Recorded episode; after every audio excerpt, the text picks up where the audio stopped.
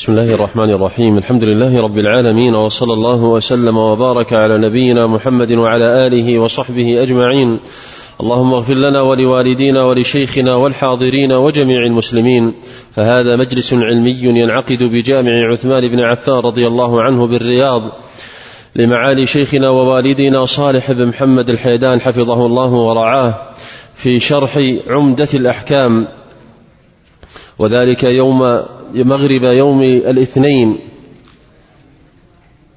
السادس عشر من الشهر الرابع لعام اثنين وثلاثين وأربعمائة وألف للهجرة.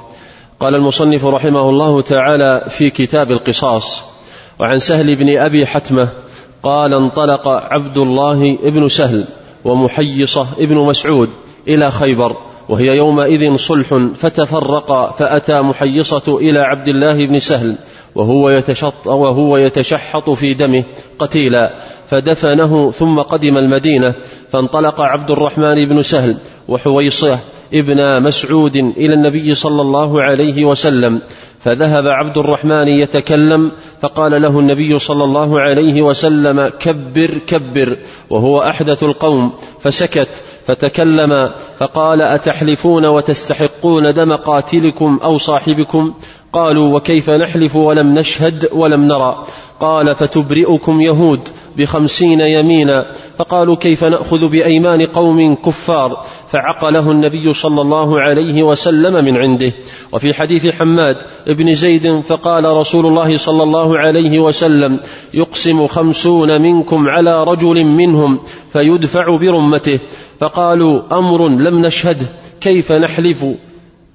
كيف نحلف؟ قال فتبرئكم يهود بأيمان خمسين منهم فقالوا يا رسول الله كيف نأخذ بأقوال قوم كفار؟ وفي حديث ابن عبيد فكره رسول الله صلى الله عليه وسلم أن يبطل دمه فوداه بمئة من إبل الصدقة. بسم الله الرحمن الرحيم. الحمد لله رب العالمين. والصلاة والسلام على سيد الأولين والآخرين سيدنا ونبينا محمد وعلى آله وصحابته ومن اهتدى بهديهم واتبع سنتهم إلى يوم الدين وبعد. سمعنا هذا الحديث وهو المتعلق بالقسامة. والقسامة كانت عند العرب في الجاهلية. ثم أقرها نبي الله صلى الله عليه وسلم على ما كانت عليه في الجاهلية. إذا قتل قتيل وادعى أولياء القتيل ولا بينة لهم وكان هناك لوث ما يدعى أنه سبب لحصر الدعوة يحلف المدعون. هؤلاء الصحابة من الأنصار رضي الله عنهم ذهبوا إلى خيبر بعدما صارت خيبر دار صلح بعد فتحها ومصالحة النبي صلى الله عليه وسلم لأهل خيبر أن يقيموا فيها ويعملوا في حرثها ونخلها واتفقوا مع نبي الله صلى الله عليه وسلم بنصف ما يحصل من خيبر يدفعونه لرسول الله صلى الله عليه وسلم. فراح عبد الرحمن بن سهل وابن عمه تفرقوا في خيبر ثم ما شعر محيصة ابن عمه عبد الرحمن بن سهل لوجد ابن عمه يتشحط في دمه. قال لليهود قتلتمون قالوا ما قتلنا ولا نعلم قاتلا. فرجع ثم حضر هو ومحيصة وحويصة ابن مسعود. وابن سهل يطالب بأخيه. فلما جلسوا عند النبي صلى الله عليه وسلم أراد ابن سهل أن يتكلم لأن القتيل أخوه. فقال النبي صلوات الله وسلامه عليه كبر كبر وفي لفظ الكبر والكبر. يعني هذا أمر يتولى الحديث فيه أكبر القوم. فتكلم حويص بن عمه ثم ذكر ما أخبرهم به ابن سهل وأنه لا يتهمون إلا اليهود يهود خيبر. فقال النبي صلى الله عليه وسلم تحلفون خمسين يمينا على رجل فيدفع لكم برمته يعني قالوا كيف نحلف ولم نرى ولم نشهد؟ فقال النبي صلى الله عليه وسلم تبرئكم يهود بأيمان خمسين أو بخمسين يمينا؟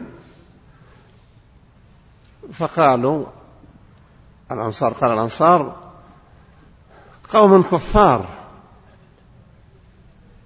يعني لا نقبل أيمانهم. فوداه النبي صلى الله عليه وسلم من إبل الصدقة. دفع لهم مئة بعير. في نص الحديث يقول النبي كره. يقول الراوي كره النبي أن لا أن يطل دم القتيل. فوداه اختلف العلماء هل يجوز دفع ديته من الزكاة؟ والله بين أن الزكاة لمن ذكرهم الله جل وعلا في كتابه. قيل الزكاة صارت عند الوالي عند ولي أمر المسلمين وهو يصرفها على حسب مصالح الأمة. وقيل إن النبي أعطاهم لأنهم كانوا في حاجة فالله أعلم. لكن الحق أنه أعطاهم مئة بعير فيما يتعلق بالقسامة هي ثابتة في المذاهب الإسلامية الأربعة المالكية الأحناف والمالكية والشافعية والحنابلة. وإن كان عندهم شيء من الاختلاف. هل يحكم بموجبها بالقصاص أو أن أنه يستحق بذلك الدية؟ هي في الجاهلية. يقول ابن عباس رضي الله عنهما كما في صحيح البخاري والنسائي إن أول قسامة كانت فينا بني هاشم. يعني في الجاهلية. خرج رجل من بني هاشم مع رجل من قريش يخدم القرشي. ثم مر بهم رجل وكان محتاجا لعقال يربط أو حبل يربط به جوالق أو شيء من ذلك فما كان من الهاشم إلا أن أعطاه.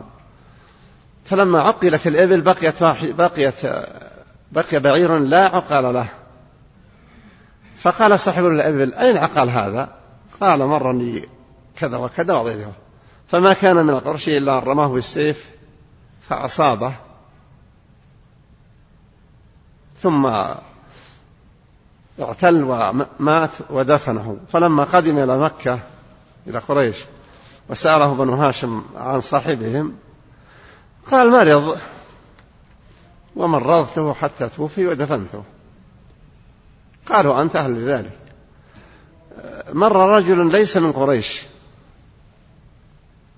ولا من أهل الحرم. قبل أن يموت الرجل فقال للرجل فقال له القرشي الهاشمي هل تشهد الموسم يقصد الحج؟ قال لا أشهد وقد أشهد. قال إذا شهدت الموسم فاسأل عن منازل قريش.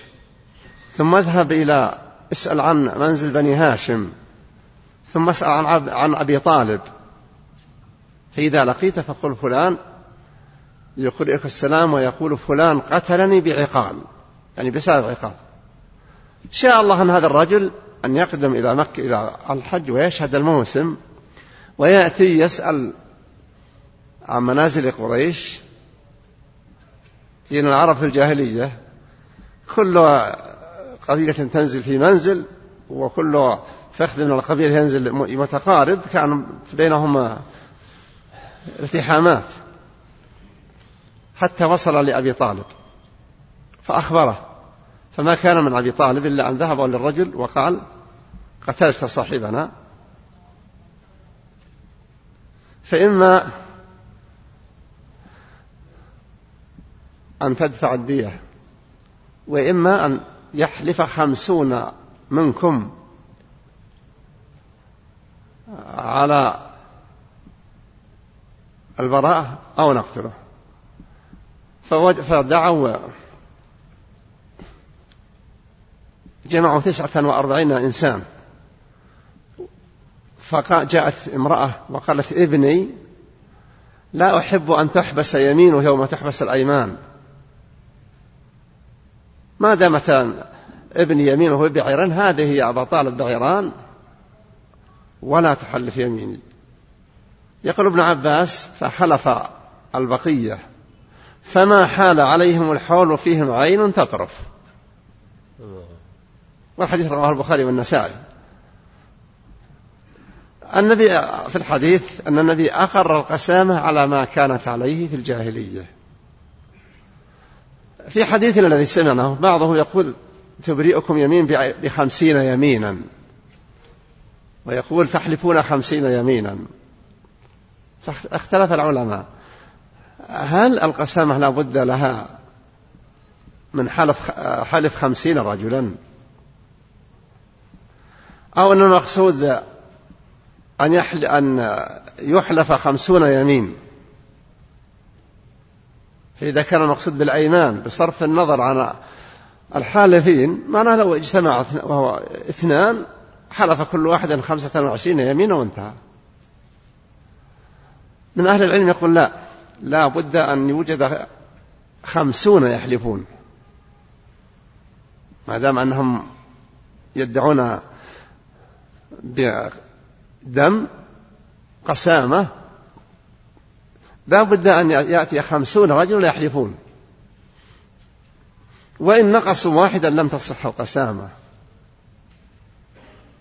وفي قول آخر أن نقصوا يعني إذا كان في الفخذ الذي لهم الدعوة أقل من خمسين تقسم الأيمان عليهم. لكن المسألة فيها نزاع طويل.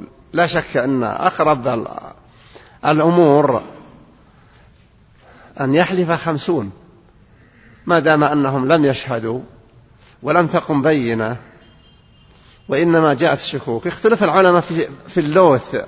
ما هو؟ قيل لوث وقيل لوث.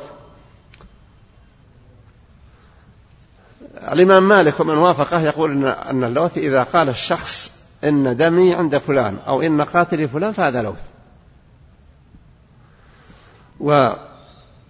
وبقية المذاهب يقول لا اللوث أن تكون هناك عداوة وأسباب تعلم. يعني كأنها غير كافية في مفردها لكن لما صاحبها ما جعل احتمال القتل واردا إذا يدعي هؤلاء. في المذهب أنه يحلف مذهب الحنابلة لا يحلف أقل من اثنين.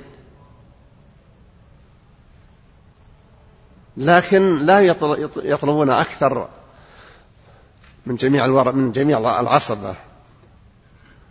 ومن شروطها أنه يكون إذا حصل القتل أن يكون في في في أولياء الدم ذكر بالغ. فإن لم يكن ذكر بالغ ما صحت القسامة. الله. إذا لم يكن في ذكر بالغ لم تصح القسامة. وصارت المسألة إما أن يعترف المدعى عليه بأنه قتل وإذا لم يكن عند أولياء الدم بينة يصلح أن يقتل بها المدعى عليه يبرأ. لا قصاص ولا دية. النفس تميل إلى أنه يحلف جميع الموجودين. فإن كانوا أكثر من خمسين ينتقى خمسون رجلا من قرابة المدعى بدمه.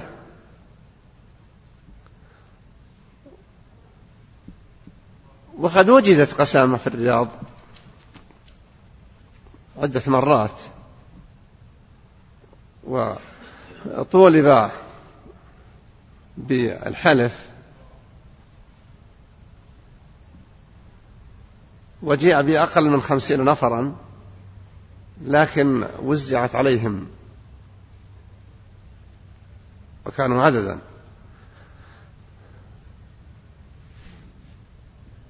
الذي عليه العمل في كتب الفقه الحنبلي أن الشرط أن يكون وقت القتل من بين الورثة ذكر بالغ فلو فرض أن الشخص القتيل ليس وراءه إلا أخوات أو بنات أو فتيان صغار لا يكون قسامة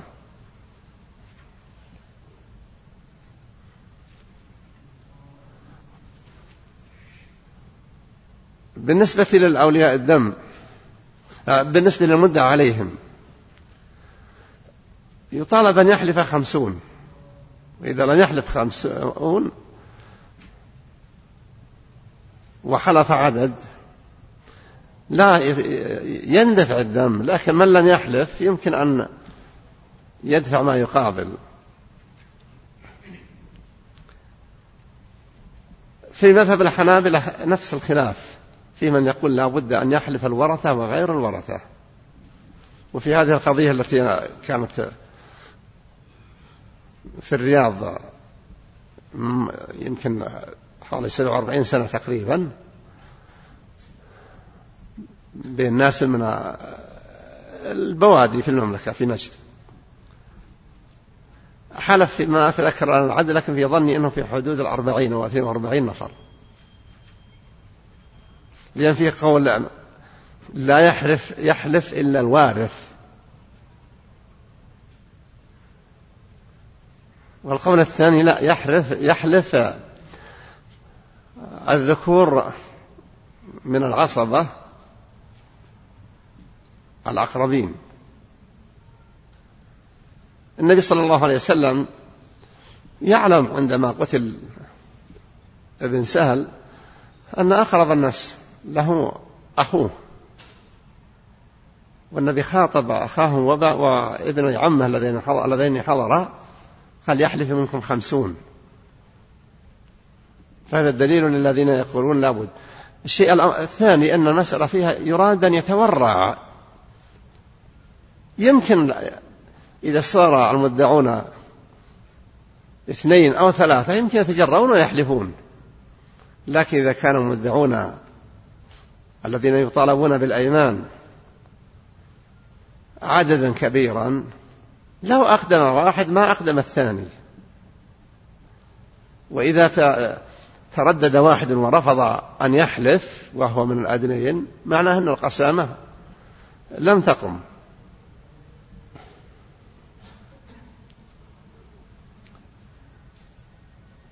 أوضح بيان في حديث القسامة هو حديث الأنصار هذا. وستأتي الحديث في كانت كان عمر بن عبد العزيز والدعي عند الدعي عنده في أمر قسامة فجمع الناس لها. وتقدم قتادة وهو من فقهاء التابعين. قال رأيتك يا أمير المؤمنين؟ لو شهد خمسون في بلد كذا وكذا وهم لم يبرحوا من ذلك المكان. أن شخصا قتل فلانا مثلا ببلد كذا وكذا وهم لم يحضروا أبدا. أي, أي يقبل منهم؟ قال لا. قال فكذلك في أمر القسامة. كيف يقبل خمسون يحلفون وهم لم يشهدوا ولم يحضروا؟ لكن العمل الذي استقر عليه عند الناس هو أن القسامة مما يحفظ به تحفظ به الدماء وتطفأ به الفتن. وإذا تورع أحد يمكن تنتقل إلى دية وإذا حلفوا لا يبقى للمدعين شيء. نعم. أحسن الله إليكم. لها صيغة معينة اليمين؟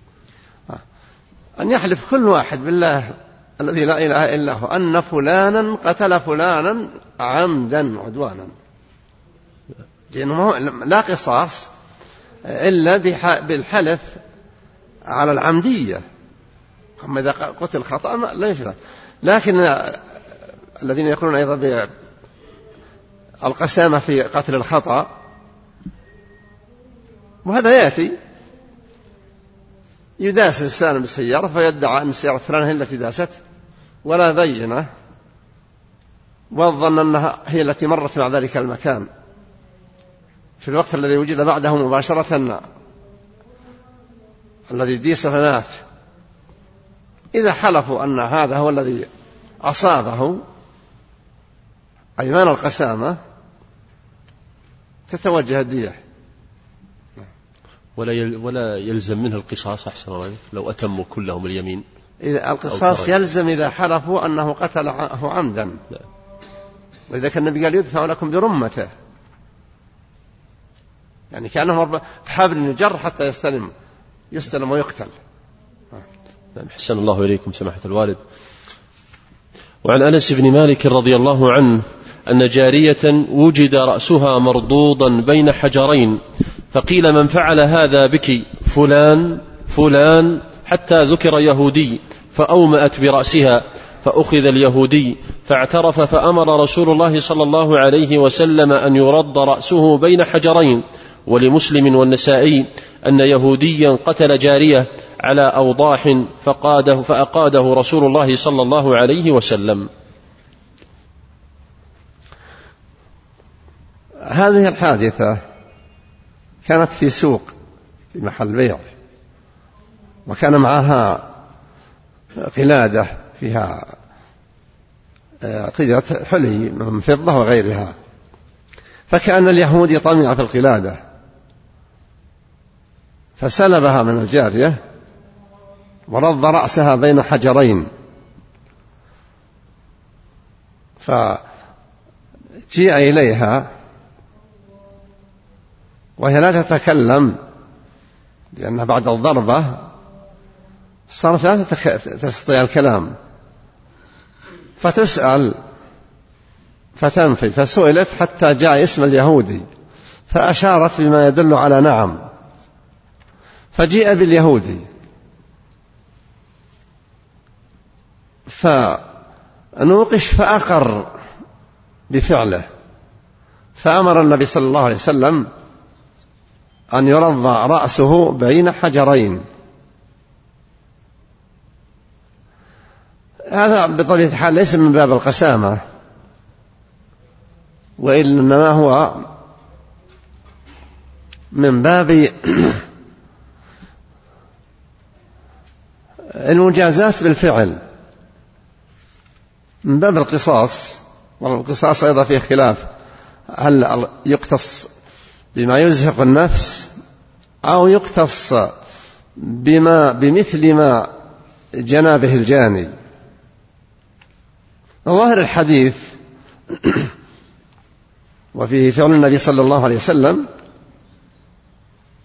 أن هذا اليهودي الذي رض رأس الجارية بين حجرين لما اعترف أنه الجاني أمر النبي عليه الصلاة والسلام أن يرض رأسه بين حجرين. الذين يقولون لا يقتل بالسيف يقولون إن النبي صلى الله عليه وسلم يقول في الحديث الصحيح إن الله كتب الإحسان على كل شيء فإذا قتلتم فأحسنوا القتلة وإذا ذبحتم فأحسنوا الذبحة. وإحسان القتلة يكون بأيسر ما يتم به القتل. لكن هذا القول وهذا الترجيح في مقابلة ما فعل بأمر رسول الله رسول الله صلى الله عليه وسلم لا اعتبار له. النبي لما جيء الذين هم من عكل أو عرينة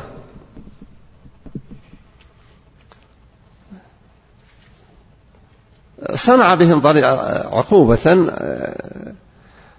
ترهب أهل الإجرام عن الإقدام عليها.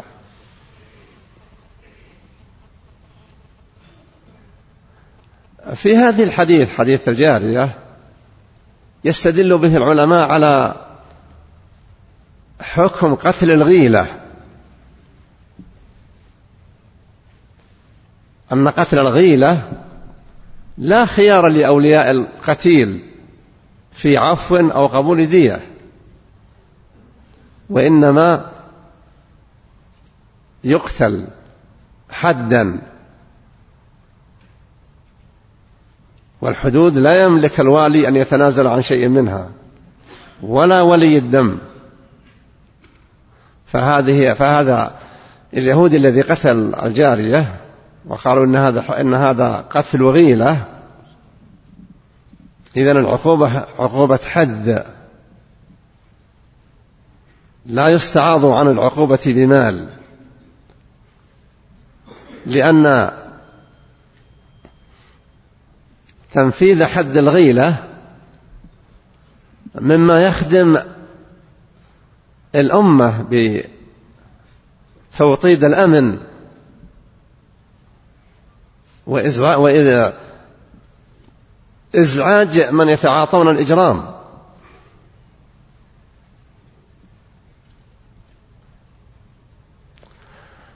وممن يقول بأن الغيلة لا يرجع فيها إلى أهل الدم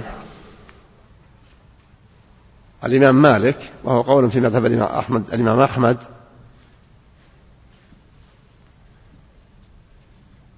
وهو الذي يحقق المصلحة للأمة في حفظ الأمن. إذا عرف الشخص الذي يقتل أحدا بطريقة الغيلة والغيلة أن يقتله في وضع المقتول ما يتوقع أن هذا يقتله ويكون في أمن وهذا يحصل في بعض الأوقات. كأن يقتل الرجل زوجته دون أن يعلم أحد. ويتبين أنه هو القاتل. أو تقتل المرأة زوجها في وضع لا يظن به. في مثل هذه القضايا يرجع ينظر القضاة إلى أمر الغيلة ويطبقونه في القضية لأنه أزجر عن الإجرام. وإذا نظر الواحد إلى العقوبات الشرعية من قتل بقصاص أو عقوبة حد الله جل وعلا أرحم الراحمين. ومع ذلك شرع عقوبات ذات شدة وقسوة. وهو الحكم العدل. إذا شرعها لتوفير الأمن للعباد. والأمن من أعظم النعم. لا يكون في الناس نعمة بعد نعمة الإسلام.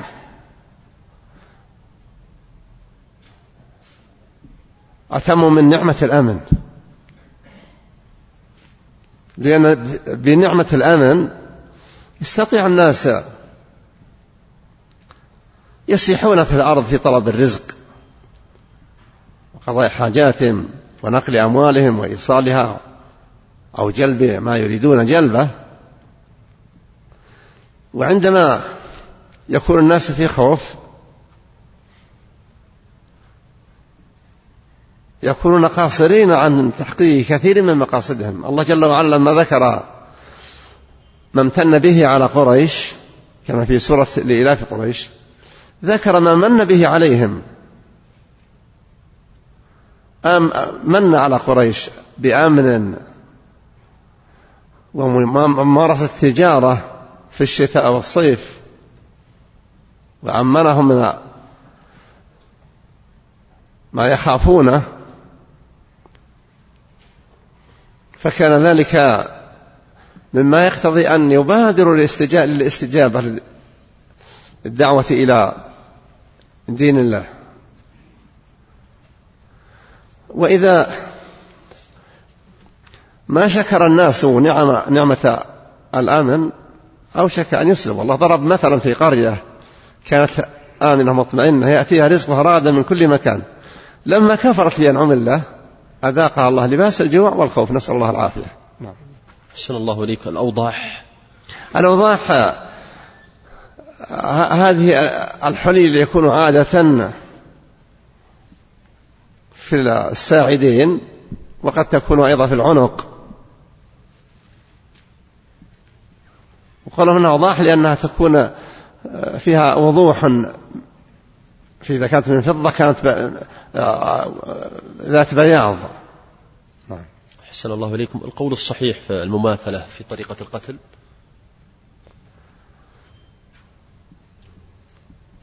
ما يتم فيه الأمر وتنفيذ السلطة هو, الذي ينبغي أن يصل إليه. كالديات. الديات في الأصل فيها أنها مئة من الإبل. لكن إذا استقرت الأحوال وصارت الحال في الدولة أنها تقرر الدية بمبلغ من المال فكأن السلطة رأت أن ذلك المبلغ ثمن تلك الدية. نعم. أحسن الله إليكم. وعن أبي هريرة رضي الله عنه قال لما فتح الله تعالى على رسوله صلى الله عليه وسلم مكة قتلت هزيل رجلا من بني ليث بقتيل كان لهم في الجاهلية. فقام النبي صلى الله عليه وسلم فقال إن الله قد حبس عن مكة الفيل وسلط عليها رسوله والمؤمنين وإنها لم تحل لأحد كان قبلي ولا تحل لأحد بعدي وإنما أحلت لي ساعة من نهار وأن وإنها ساعتي هذه حرام لا يعضد شجرها ولا يختلى خلاها ولا يعضد شوكها ولا تلتقط ساقطتها إلا لمنشد. ومن قتل له قتيل فهو بخير النظرين إما أن يقتل وإما أن يفدى. فقام رجل من أهل اليمن يقال له أبو شاه فقال يا رسول الله اكتبوا لي. فقال رسول الله صلى الله عليه وسلم اكتبوا لأبي شاه. ثم قام العباس رضي الله عنه فقال يا رسول الله إلا الإذخر فإنا نجعله في بيوتنا وقبورنا. فقال رسول الله صلى الله عليه وسلم إلا الإذخر. هذا الحديث يتعلق بحرم مكة. النبي صلى الله عليه وسلم لما فتح مكة أخبر أن مكة حرام. حرمها الله يوم خلق السماوات والأرض. وأنها لم تحل لأحد قبل النبي صلى الله عليه وسلم. وأنها لن تحل لأحد بعده. يعني يسفك فيها دم. يقول وإنما أحلت لي ساعة من نهار وإنها عادت إلى حرمتها وأنها الآن حرام. ثم قال لا يعضد يختلى خلاها والخلاء الحشيش الذي ينبت. ولا يعضد شجرها وشوكها ولا ينفر صيدها. ولا تلتقط لقطتها إلا لمعرف. الشأن في اللقطة أن ملتقط اللقطة إذا أخذها عرفها وضبط أوصافها ثم أعلن عنها في المجامع يكرر الإعلان لمدة حول كامل. فإذا تم الحول ولم يتقدم له أحد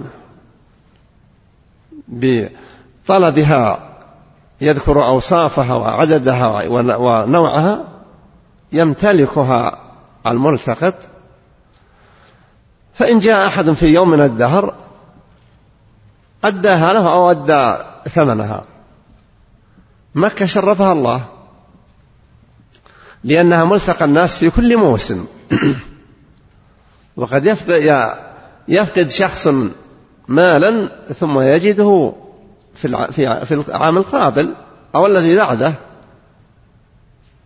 فلا تحيا يمتلكها ملتقطها إما أن يلتقطها ويعرفها أن يعرفها مدى الحياة يعني ويوصي إذا حضر الموت بأن هذه لقطة أو يدفعها لولي الأمر الحاكم في البلد.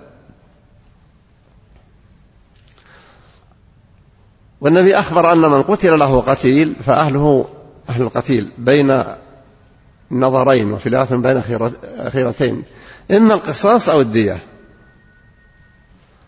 هذيل كان لهم ثأر عند قوم. فاغتنموا وقتلوا بعد فتح مكة وبعد استقرار أمنها تحت أمر رسول الله صلى الله عليه وسلم فقاموا وقتلوا قتيلا. فأخبر النبي صلى الله عليه وسلم بهذا الحكم وأن أولياء الدم هم بالخيار. إن شاءوا طالبوا بالقصاص وإن شاءوا قبلوا وإن شاءوا عفوا. في هذا المجال العلماء مختلفون. هل للشخص إذا أراد أن يعفو هل له أن يعفو على أكثر من الدية المغلظة؟ الدية المغلظة تكون دية الخطأ. عشرون حقة وعشرون جذعة وعشرون بنت مخوض لبون وعشرون بنت مخاض وعشرون مخاض المغلظة لا ثلاثة أقسام. هل تدفع الدية أو أن أن المدعى عليه إذا عفوا عفى أهل الدم بمقابل من حقهم أن يعفوا بما يريدون. لا شك أن هذا هو الراجح. يعني إذا كان شخصا قتل له ابن أو أخ وطالب بدمه الواجب الأول القصاص.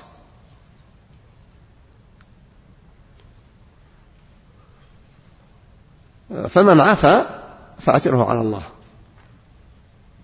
لكن إذا عفى بمبلغ هل يعفو على أكثر من الدية؟ قيل ذلك. ولا شك أن هذا هو الراجح لكنه في بعض الأحوال يسوغ لولي الأمر أن يجعل حدا للدية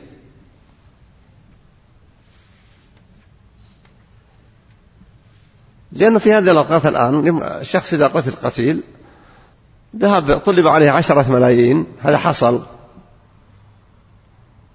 ذهب يجمع هذه العشرة من الناس وربما جمع أكثر منها فيأخذ ما زاد ويستفيد منه ويحصل أشياء. ثم أيضا يقل أمر القصاص. فإن كلما كان القصاص أكثر وجودا كلما ارتدع الناس عن القتل. الله يقول جل وعلا في الكتاب الكريم ولكم في القصاص حياة. يعني في كونه يتم القصاص من القاتل هذا القصاص من القاتل سبب حياة آخرين.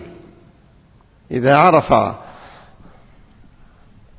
المتجرئون على ارتكاب الظلم أنهم إذا ظلموا وقتلوا قصاصا إذا فكروا بالقتل تراجعوا. إذا وجدوا أنه يمكن أن يتسامح معهم أو أن تهب قبيلتهم وتجمع وجاهات وأموال ثم يسلم لا شك أن الناس محتاجون إلى حزم يردع الذين يقدمون على القتل بغير حق. فلو جاء ولي الأمر مثلا وقال يمنع لا يدفع بدية القصاص أكثر من كذا وكذا مئة بعير أو مئة ألف أو ثلاثمائة ألف. المهم يحدد يحدد المبلغ محدودا. لأنه في هذه السنوات قبل أظن يمكن ثلاث سنوات أو أربع قضية جاءت أطلب بعشرة ملايين ريال. هو بالنسبة للجواز شرعا يجوز لكن لولي الأمر في الشيء الذي لم يحدده الشارع أن يحدد المنع. بحيث لا يتعدى النبي لما قال من قتل قتل فأهله بين خيرتين إما القصاص أو العفو. يقال اختر.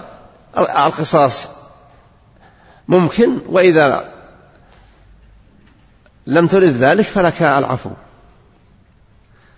العفو أيضا مهم. النبي صلى الله عليه وسلم ما عرض عليه أمر قصاص إلا رغب بالعفو. جاء إليه رجل معه رجل آخر. يجره بسير معه نسعة. قال إن أخي إن هذا قتل أخي. قال ألك بينة؟ قال إنه لو لم يعترف أقمت عليه البينة. فاعترف الرجل. قال إني اختلفتني إياه ونحن نحتطب فما كان من إلا أن ضربته ضربته بالفأس.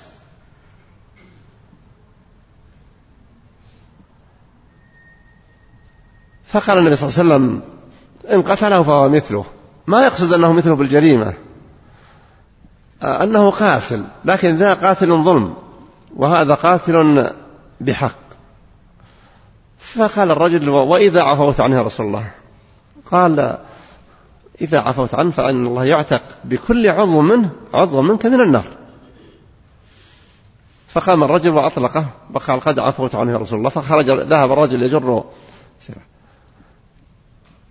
النبي ما عرض عليه أمر قصاص إلا رغب في العفو لكن إذا تمسك الناس بطلب حقهم فالله جل وعلا ما شرع أحكاما إلا لمصلحة البشر. نعم. أحسن الله إليكم. أبو شاه عندما قال النبي صلى الله عليه وسلم هذا لما تكلم النبي صلى الله عليه وسلم بهذا الحديث والتحريم وذكر أن دماء الناس وأموالهم حرام كحرمة يومهم هذا الذي تكلم فيه صلى الله عليه وسلم في حجة الوداع. وذكر ما ذكر قال أبو شاه وهو من أهل اليمن. اكتبوا لي يا رسول الله. قال النبي صلى الله عليه وسلم اكتبوا لأبي شاه. يعني هذا هذا اللي صدر من رسول الله صلى الله عليه وسلم. اكتبوه لأبي شاه. حتى يحتج به في رجوعه إلى اليمن.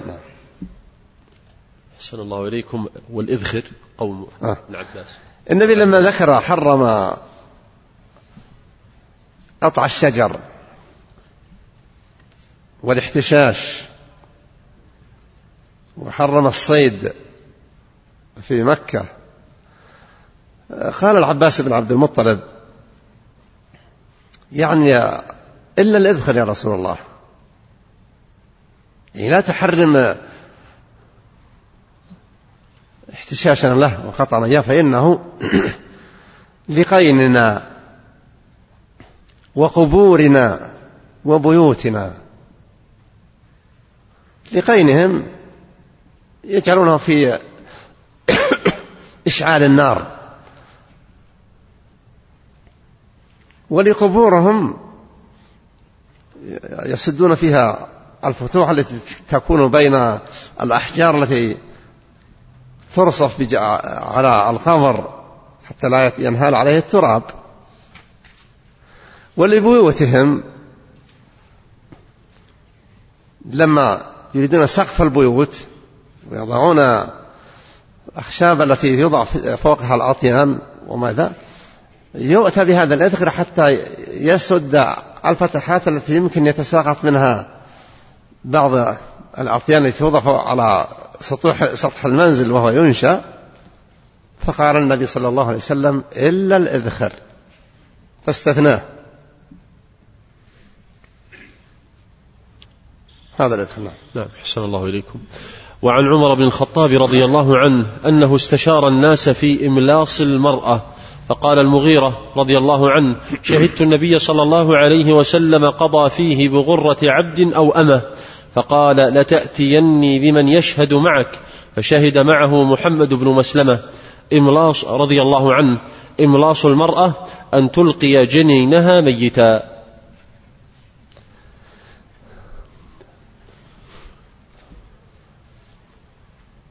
عمر رضي الله عنه. النبي صلوات الله وسلامه عليه لما توفي ما كانت الأحاديث منتشرة كلها بين عند كل واحد من الصحابة يعلم كل ما قاله رسول الله صلى الله عليه وسلم. ولكن كل شخص منهم حفظ ما سمع وما كانوا يكتبون. ما يكتبون إلا ما ندر.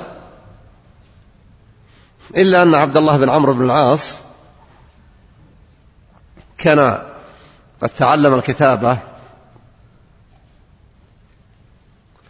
فكان يكتب كل ما سمعه من النبي صلى الله عليه وسلم. ولذلك يقول أبو هريرة لا أعلم أحدا من أصحاب النبي صلى الله عليه وسلم أكثر مني حديثا إلا ما كان من عبد الله بن عمرو لأنه كان يكتب ولا أكتب. لكن الذي عندنا في الكتب إن ما ينسب لأبي هريرة أكثر مما ينسب لعبد الله بن عمرو.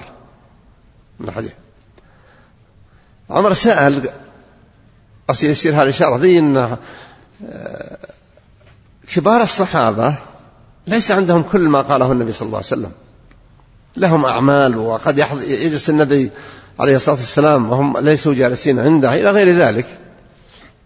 سأل من, من عنده خبر عن إملاص المرأة وإملاص المرأة أن تسقط أن يسقط ما في بطنها. وقصده بذلك إذا جنى عليها جاني فأسقطت الحمل. ما الحكم في ذلك؟ فقام المغيرة بن شعبة وقال سمعت النبي صلى الله عليه وسلم يقول في إملاص المرأة يعني ديته غرة من عبد أو أمة. يعني دية هذا الحمل الذي سقط بجناية الجاني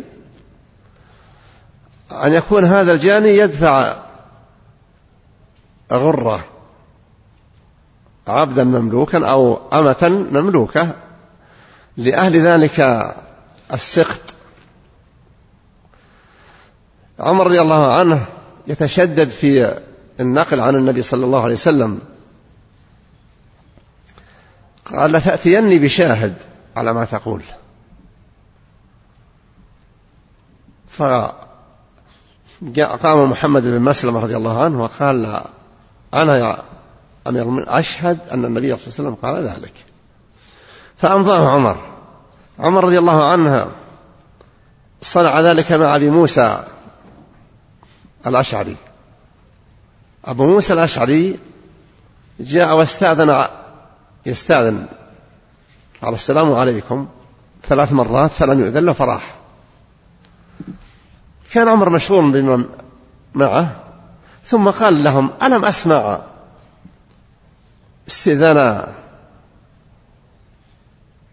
عبد الله بن قيس يعني أبي موسى الأشعري؟ قالوا بلى ردوه. قال استأذنت ثلاثا فلم يؤذن لي وقد قال النبي صلى الله عليه وسلم قد سمعت الرسول صلى الله عليه وسلم يقول إذا استأذن أحدكم ثلاثا فلم يؤذن له فلينصرف. فقال عمر لتأتيني بشاهد على ذلك. فانصرف أبو موسى وجماعة من الأنصار جالسين فأخبرهم. فقالوا له لا يقومن أصغرنا معك. فقام أبو سعيد الخدري.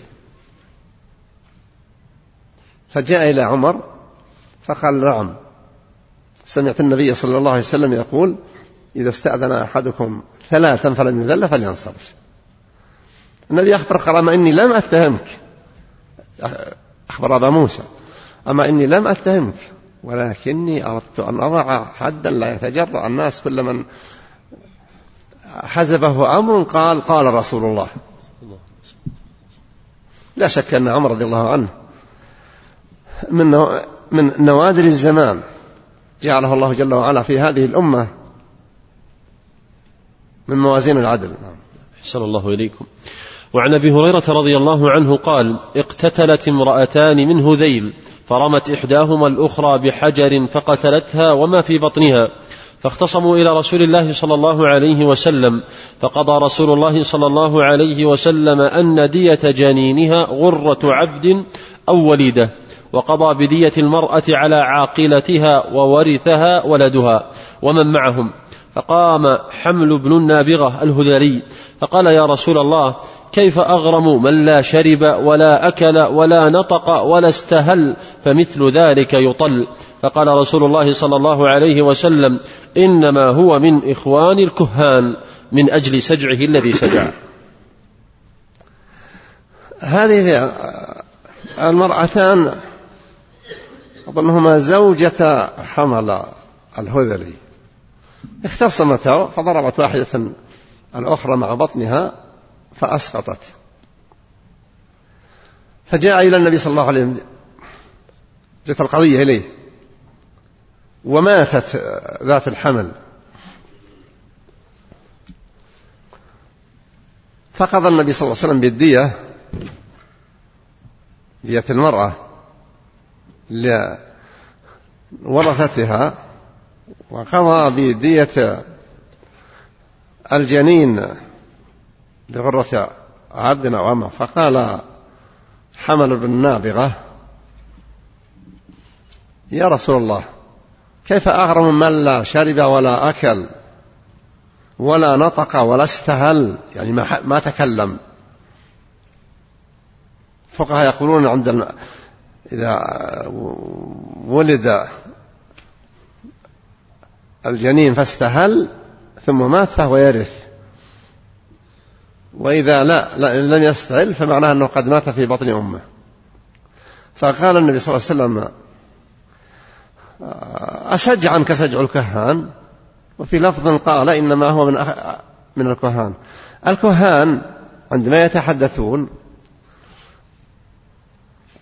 يهتمون بأن يسوقوا الكلام المسيوع المتوازن من حيث آخر كل جملة ويتشددون في ذلك. وفيه عند العرب شيء كثير من هذا الذين يتلقفون الكلام من الجن أوليائهم الذين ينقلون لهم ما قد يسمعوه في الأجواء فيكذب الشخص معهم الكذبات. نعم. أحسن الله إليكم.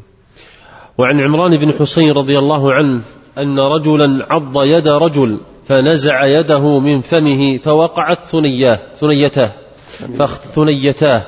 عندك المضموم الثاء ثني ثنيتاه. نعم أحسن الله إليكم.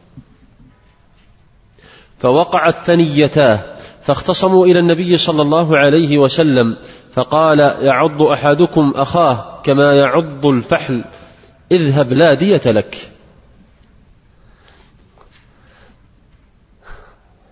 الإنسان مشروع له أن يدافع عن نفسه ويدفع من يصول عليه بما يقضي له بمنع الصيانة.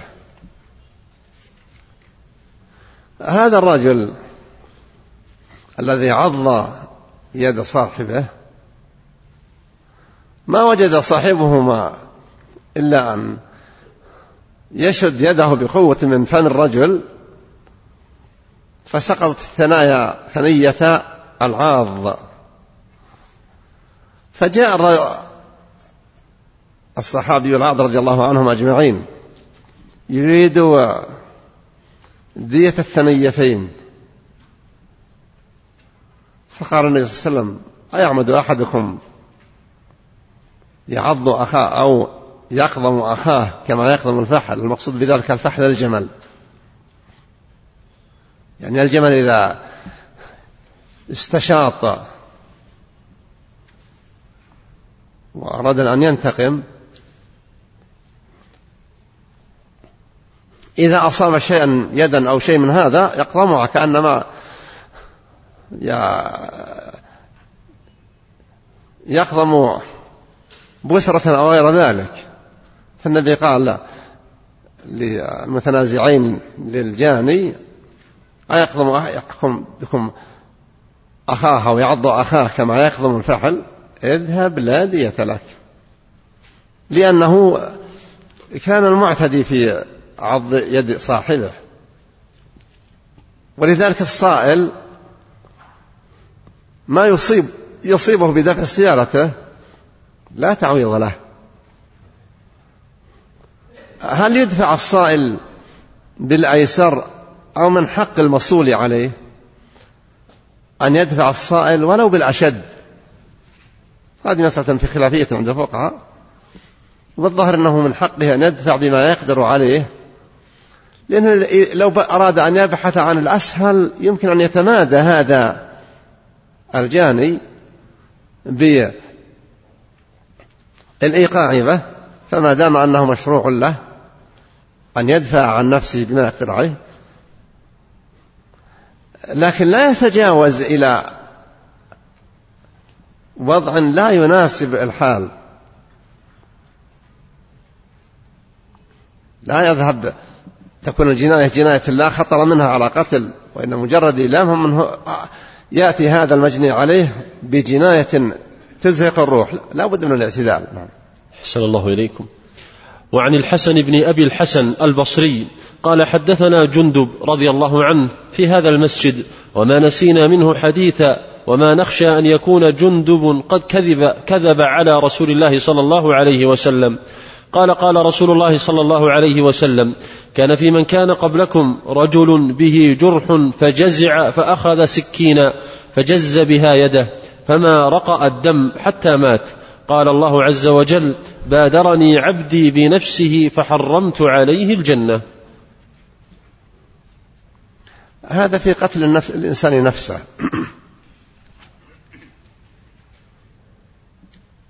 قتل الإنسان نفسه من أعظم المحرمات. ومن قتل نفسه بشيء فذلك الشيء الذي قتل به نفسه معه في نار جهنم. فمن قتل نفسه بحديدة فحديدته في يده في نار جهنم يطعن بها نفسه وهو يتردى في نار جهنم. ومن قتل نفسه بسم فسمه في يده يتحساه في نار جهنم. هذه القصة ذكرها بهذه الصفة.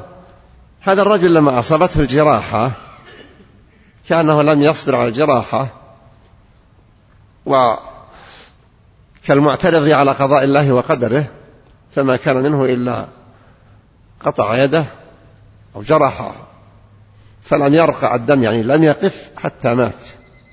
فقال الله بادرني عبدي بنفسي حرام عليه الجنة. في قصة الرجل في أبواب الجهاد. رجل قال الصحابة ما رأينا مثل فلان ما يترك شاذة ولا فاذة إلا ويختفيها في عنايته بالمجاهدين و فقال النبي صلى الله عليه وسلم هو في النار لما ذكروه. فتعجبوا مما يرون من جد اجتهاده وفي النار. قال رجل منهم يعني قال في نفسه لا أحفظنه. ثم صار يتبعه أينما ذهب وأين راح فأصابته جراحة من في الجهاد. فما كان منه إلا أن وضع عقب السيف على الأرض وجعل ذباب السيف في صدره ثم تحامل عليه حتى خرج ذباب السيف رأس الصيف رأس السيف من ظهره. فجاء الرجل الذي سمع مقولة النبي صلى الله عليه وسلم ليخبر النبي صلى الله عليه وسلم فلما أخبره بذلك قال صلى الله عليه وسلم أشهد أني رسول الله. لأن النبي أخبرهم أنه في النار. لماذا يكون في النار؟ اعترض على ما قدره الله وقضاه فقتل نفسه. يعني مثل هذا الرجل الذي في الذي كان في من كانوا قبلنا من الأمم. لما لم يصبر على الجراحة ورأى أن يقتل نفسه كانت عاقبته النار. كذلك الشخص الذي يتضايق ويتذمر من الحياة. ثم يقول هذه حياة لا فائدة منها ويذهب يقتل نفسه. هو من جانب يعترض على الله في تقديره وتدبيره في ملكه. وفي قتله نفسه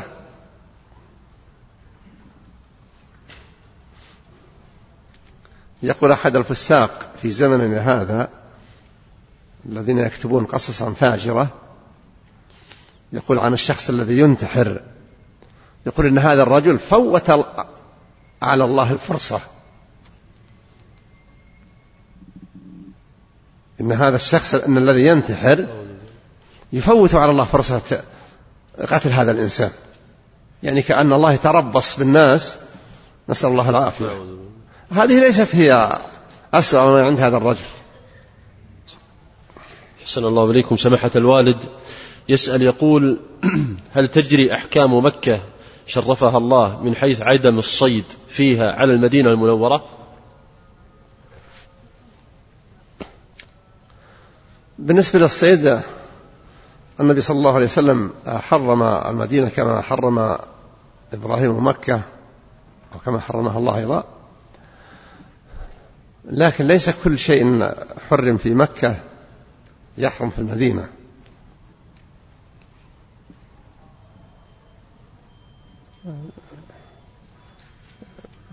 بالنسبة لمكة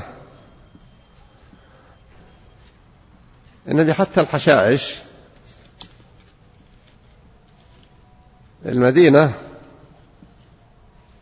أيضا لا يحرم أن يدخلها الكافر. بينما مكة يقول الله إنما المشركون نجس.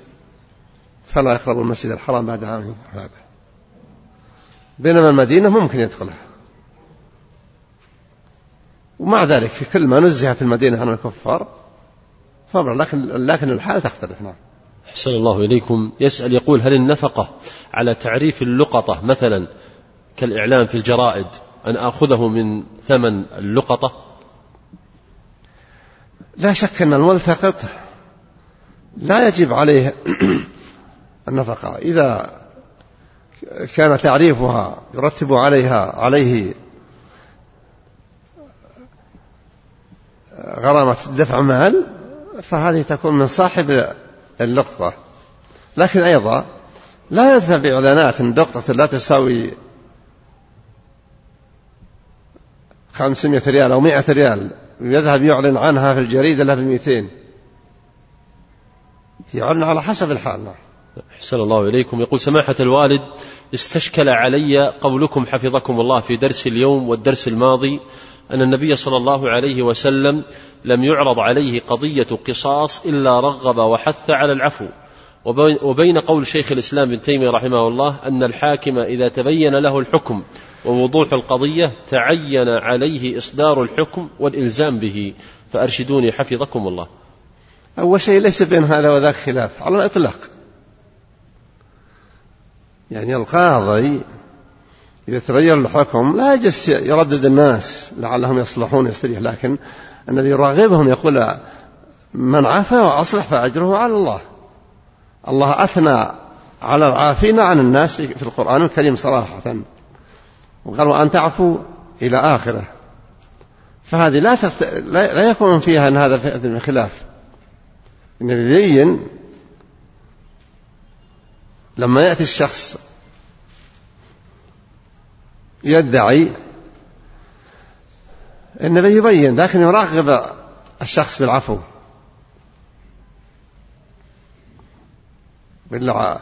القاضي لا يجوز له إذا ظهر له الحكم ما هو. آه، أن يردد القضاء الخصوم ويعيدهم مرة بعد أخرى. لا إذا عرف الحق بوضوح إن اصطلحوا فيما بينهم فهو أفضل وأخف تبعه عليه هو. لأنهم إذا تصالحوا لن يتحمل القاضي وزرا لكن لا يصح للقاضي أن يقول لا بد أن تصلحوا. في أمور يمكن القاضي يرددهم إذا تبين له أنه لو حكم بالحق الذي يرى سوف يسب عليهم مشاكل ومحن. فيحاول لعلهم يصلحون لأنه إذا تم صلح صار الصلح آه، قافلا لمثارات النزاع. أحسن الله إليكم. يسأل يقول هل يلزم الوالد وقت حياته المساواة بين أبنائه وبناته في العطايا أم أن للذكر مثل حظ الأنثيين؟ هذه محل الخلاف عند الفقهاء. لكن حديث النعمان بن بشير يدل على المساواة. وهذا في العطايا التي ليست بالنفقة. أما النفقات إذا كان الوالد ينفق على أولاده من بنين وبنات فإن عليه أن يدفع نفق نفقة كل واحد بما يكفيه. لا يكون الشخص الذي في بيته عدد كالشخص الذي ليس في بيته أحد. وإنما يعطي كل شخص بمقدار ما يحتاج إليه.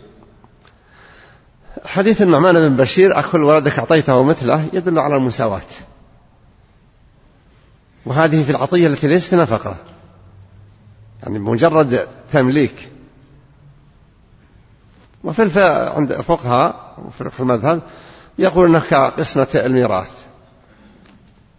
لكن لا شك أن الأرجح الأخذ بالدليل نعم. أحسن الله إليكم. فضيلة الشيخ يقول ما الحكم في إملاص المرأة مع عدم الوجود العبد والأمة؟ يقدر. يقدر. هي في تقريب مقدرة في ذلك الوقت أنها بمثابة عشر الدية. هذا الإملاص نعم. أحسن الله إليكم. يقول أثناء الصلاة على الميت لا أعلم هل هو رجل أو امرأة أو طفل فهل أدعو دعاء عاما؟ أدع لأموات المسلمين وادع لهذا الميت. اللهم اغفر له وارحمه. وإذا كنت شاك بذي ادعو لذويه بأن الله يخلف عليهم الصبر والاحتساب والأجر. وفي الغالب أنه يعلن عنه إذا كان طفل. نعم حسن الله إليكم. يقول تأخرت دورة زوجتي شهر ونصف ثم أتتها لمدة أسبوعين وهي عادتها أسبوع. فبان لها أنها بعد الأسبوعين طهرت وهي بالأمس. ثم بان لها أنها لم تطهر وخرج معها دم يخرج في آخر الدورة. فما حكم هذه الحال؟ وجزاكم الله خيرا. قد تكون هذه مبادئ حمل. مثلا. ومع وعلى كل حال النبي لم يحدد مدة لا يتجاوزها زمن العادة. فإذا كانت في المدة التي قضتها في خمسة عشر يوم ترى أن الدم دم عادة وحالها كحالها في وقت العادة فهو عادة. والنبي ذكر قال إن دم الحيض دم ثخين يعرف يعني يكون له ريحة رائحة يعني في عرف الغرف هي الرائحة. فإذا كانت مميزة ومع ذلك رأى لو قضت الصلوات في الاسم الله. فإن تكررت العادة مرة بعد مرة بهذا القدر فمعناه أن العادة تغيرت من العدد الأول إلى العدد الآخر.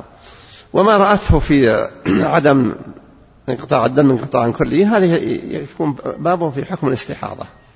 أحسن الله إليكم. يقول يوجد محل الخضروات باسم قطوف الجنة.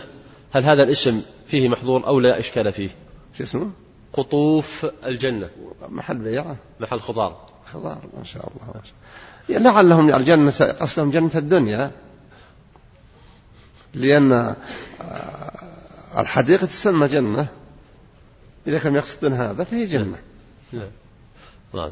أحسن الله إليكم. ما حكم الدعاء بعد حلق العلم؟ وذلك يكون بأن يدعو واحد ويؤمن البقية وراءه.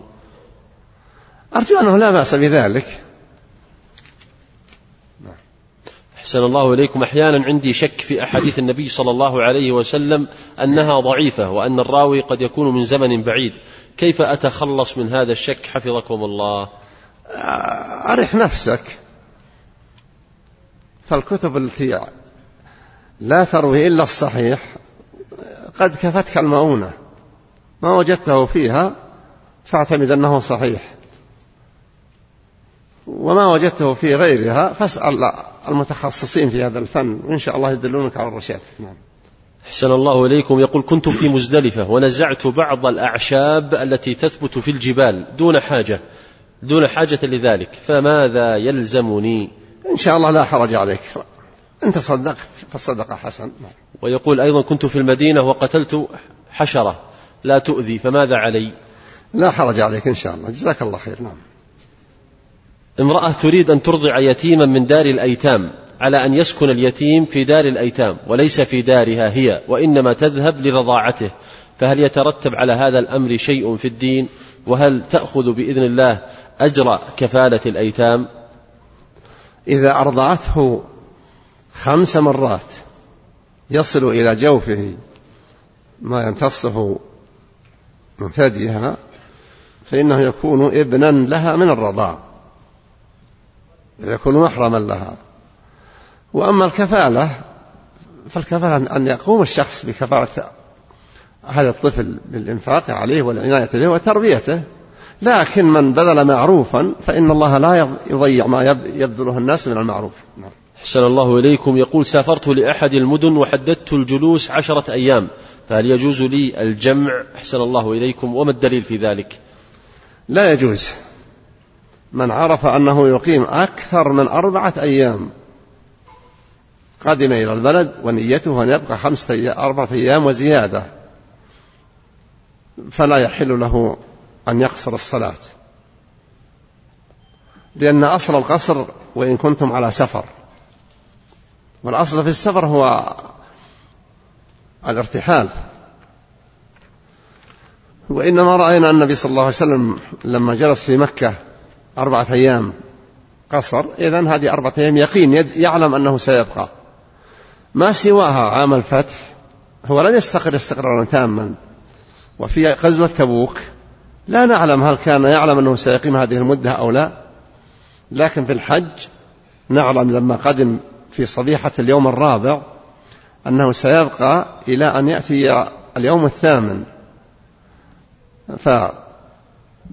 فالذي عليها علماء المذاهب المالكية والشافعية والحنابلة أن من علم أنه يقيم أكثر من أربعة أيام فإنه لا يقصر. يتم الصلاة. وأما الجمع فهو للحاجة وليس لأجل السفر. نعم. أحسن الله إليكم. يقول خرج رجل له ثقل وتأثير على عامة الناس على إحدى القنوات الفضائية فقال إن قاعدة سد الذرائع ليست في أصول الإسلام لأنها تجعل المباح حراما. فما هو تعليقكم؟ أحسن الله إليكم. إيش اللي ظهر؟ قاعدة أن قاعدة سد الذرائع ليست في أصول الإسلام لأنها تجعل المباح حراما. وهذا منه اللي يقول هذا؟ يذكر أنه طارق السويدان. إيه لا طارق السويدان ما يستكثر عليه هذا. ما دام يقول أن البحرين ينبغي أن يكون الأمر للشيعة فيه. لأنهم هم الأكثرين. ما ندري هذا هل هم من أهل السنة؟ بعدين هو ليس من أهل العلم حتى لكن الآن تجرأ على العلم. عدد كبير من الناس. هذا كلام فاسد. نعم. أحسن الله إليكم. وفي هذه المناسبة ما صدر من ولي الأمر حفظه الله في التأكيد على الفتوى والتأكيد على أهمية العلماء تعليقكم. على كل حال بالنسبة لما صدر من ولي الأمر نسأل الله جل وعلا أن يثيبه ويبارك له ولنا في حياته آمين. ويوفقه ويوفق إخوانه وأعوانه لكل ما يحقق لهذه البلاد الأمن على دينها ودنياها وأن ينفع الله به أيضا المسلمين في أي مكان. فهو لله الحمد من شجرة مباركة حرست الدعوة السلفية الصحيحة وصانت العقيدة ومنعت البدع. وانتشر الأمن فيها بسبب هذه الدولة في كل عصورها. لكن العصر الأخير الدولة الثالثة هي التي كانت أوسع دائرة. فما قام به الملك وما أصدره من أوامر إنما هي من الأعمال التي أرجو الله جل وعلا أن ينفعه بها وينفع بها البلاد. وأن يجعل الآخرين يقتدون به في مثل هذا العمل. أحسن الله إليكم. أخيرا هذا يسأل يقول نختم هذا المجلس بكلمة من سماحة الوالد. توجه لإخواننا في اليمن وخاصة أن الدماء عندهم أيضا تسيل. نسأل الله عز وجل. أنا أنا أردت لما قال ختم المجالس أردت أن نجعل فيه دعاء. نختم اليوم هذا المجلس بدعاء. نسأل الله. فنسأل الله. اللهم يا حي يا قيوم. نعم. يا ذا الجلال والإكرام. قلت وقولك الحق. وقال ربكم ادعوني أستجب لكم. وقلت يا إلهنا ومولانا. وإذا سألك عبادي عني فإني قريب. أجيب دعوة الداعي إذا دعان. نسألك بأسمائك وصفاتك أن ترحم حال المسلمين. آمين. وأن تسكن الفتن تسكن الفتن. وأن تقضي على كل باعث فتنة. إما أن يهتدي أو أن تزيله. يا ذا الجلال والإكرام. اللهم ارأف بالبلاد المصابة بهذه المظاهرات والتظاهرات في جميع بلاد الإسلام. اللهم اجعل العاقبة فيها حميدة في ليبيا التي تجرأ حاكمها حتى صار سببا لأن يأتي إلى البلاد مدد. ليس في خير البلاد لكن الشر إذا لم يدفع إلا بشر, بشر آخر فدفعه بشر آخر لا محذور فيه. كما دفع الشر عن الكويت في ذلك الزمن باستقطاب جيوش أخرى فإن عمل القذافي عمل خبيث سيء وخطاباته تدل على سوء. كما أن الحوادث التي وقعت في اليمن يوم الجمعة وما استمر فيه بلاء وفي اليوم هذا في ظني ظني والله أعلم أنه قد لا يأتي يوم غد إلا و رئيس الدولة قد تركها أو تركته. لأنه فيما يبدو قد تصدع البناء. فنسأل الله بأسمائه وصفاته أن يقضي على هذه الفتن بدون دماء وأن يرينا في البحرين انتصار الحق وإذلال الباطل وأن يوفق حكام البحرين للنظر في, في حاملي الجنسية وأصولهم حتى ينذف من يكون شرا. ولا شك أن تلك العمائم عمائم شر.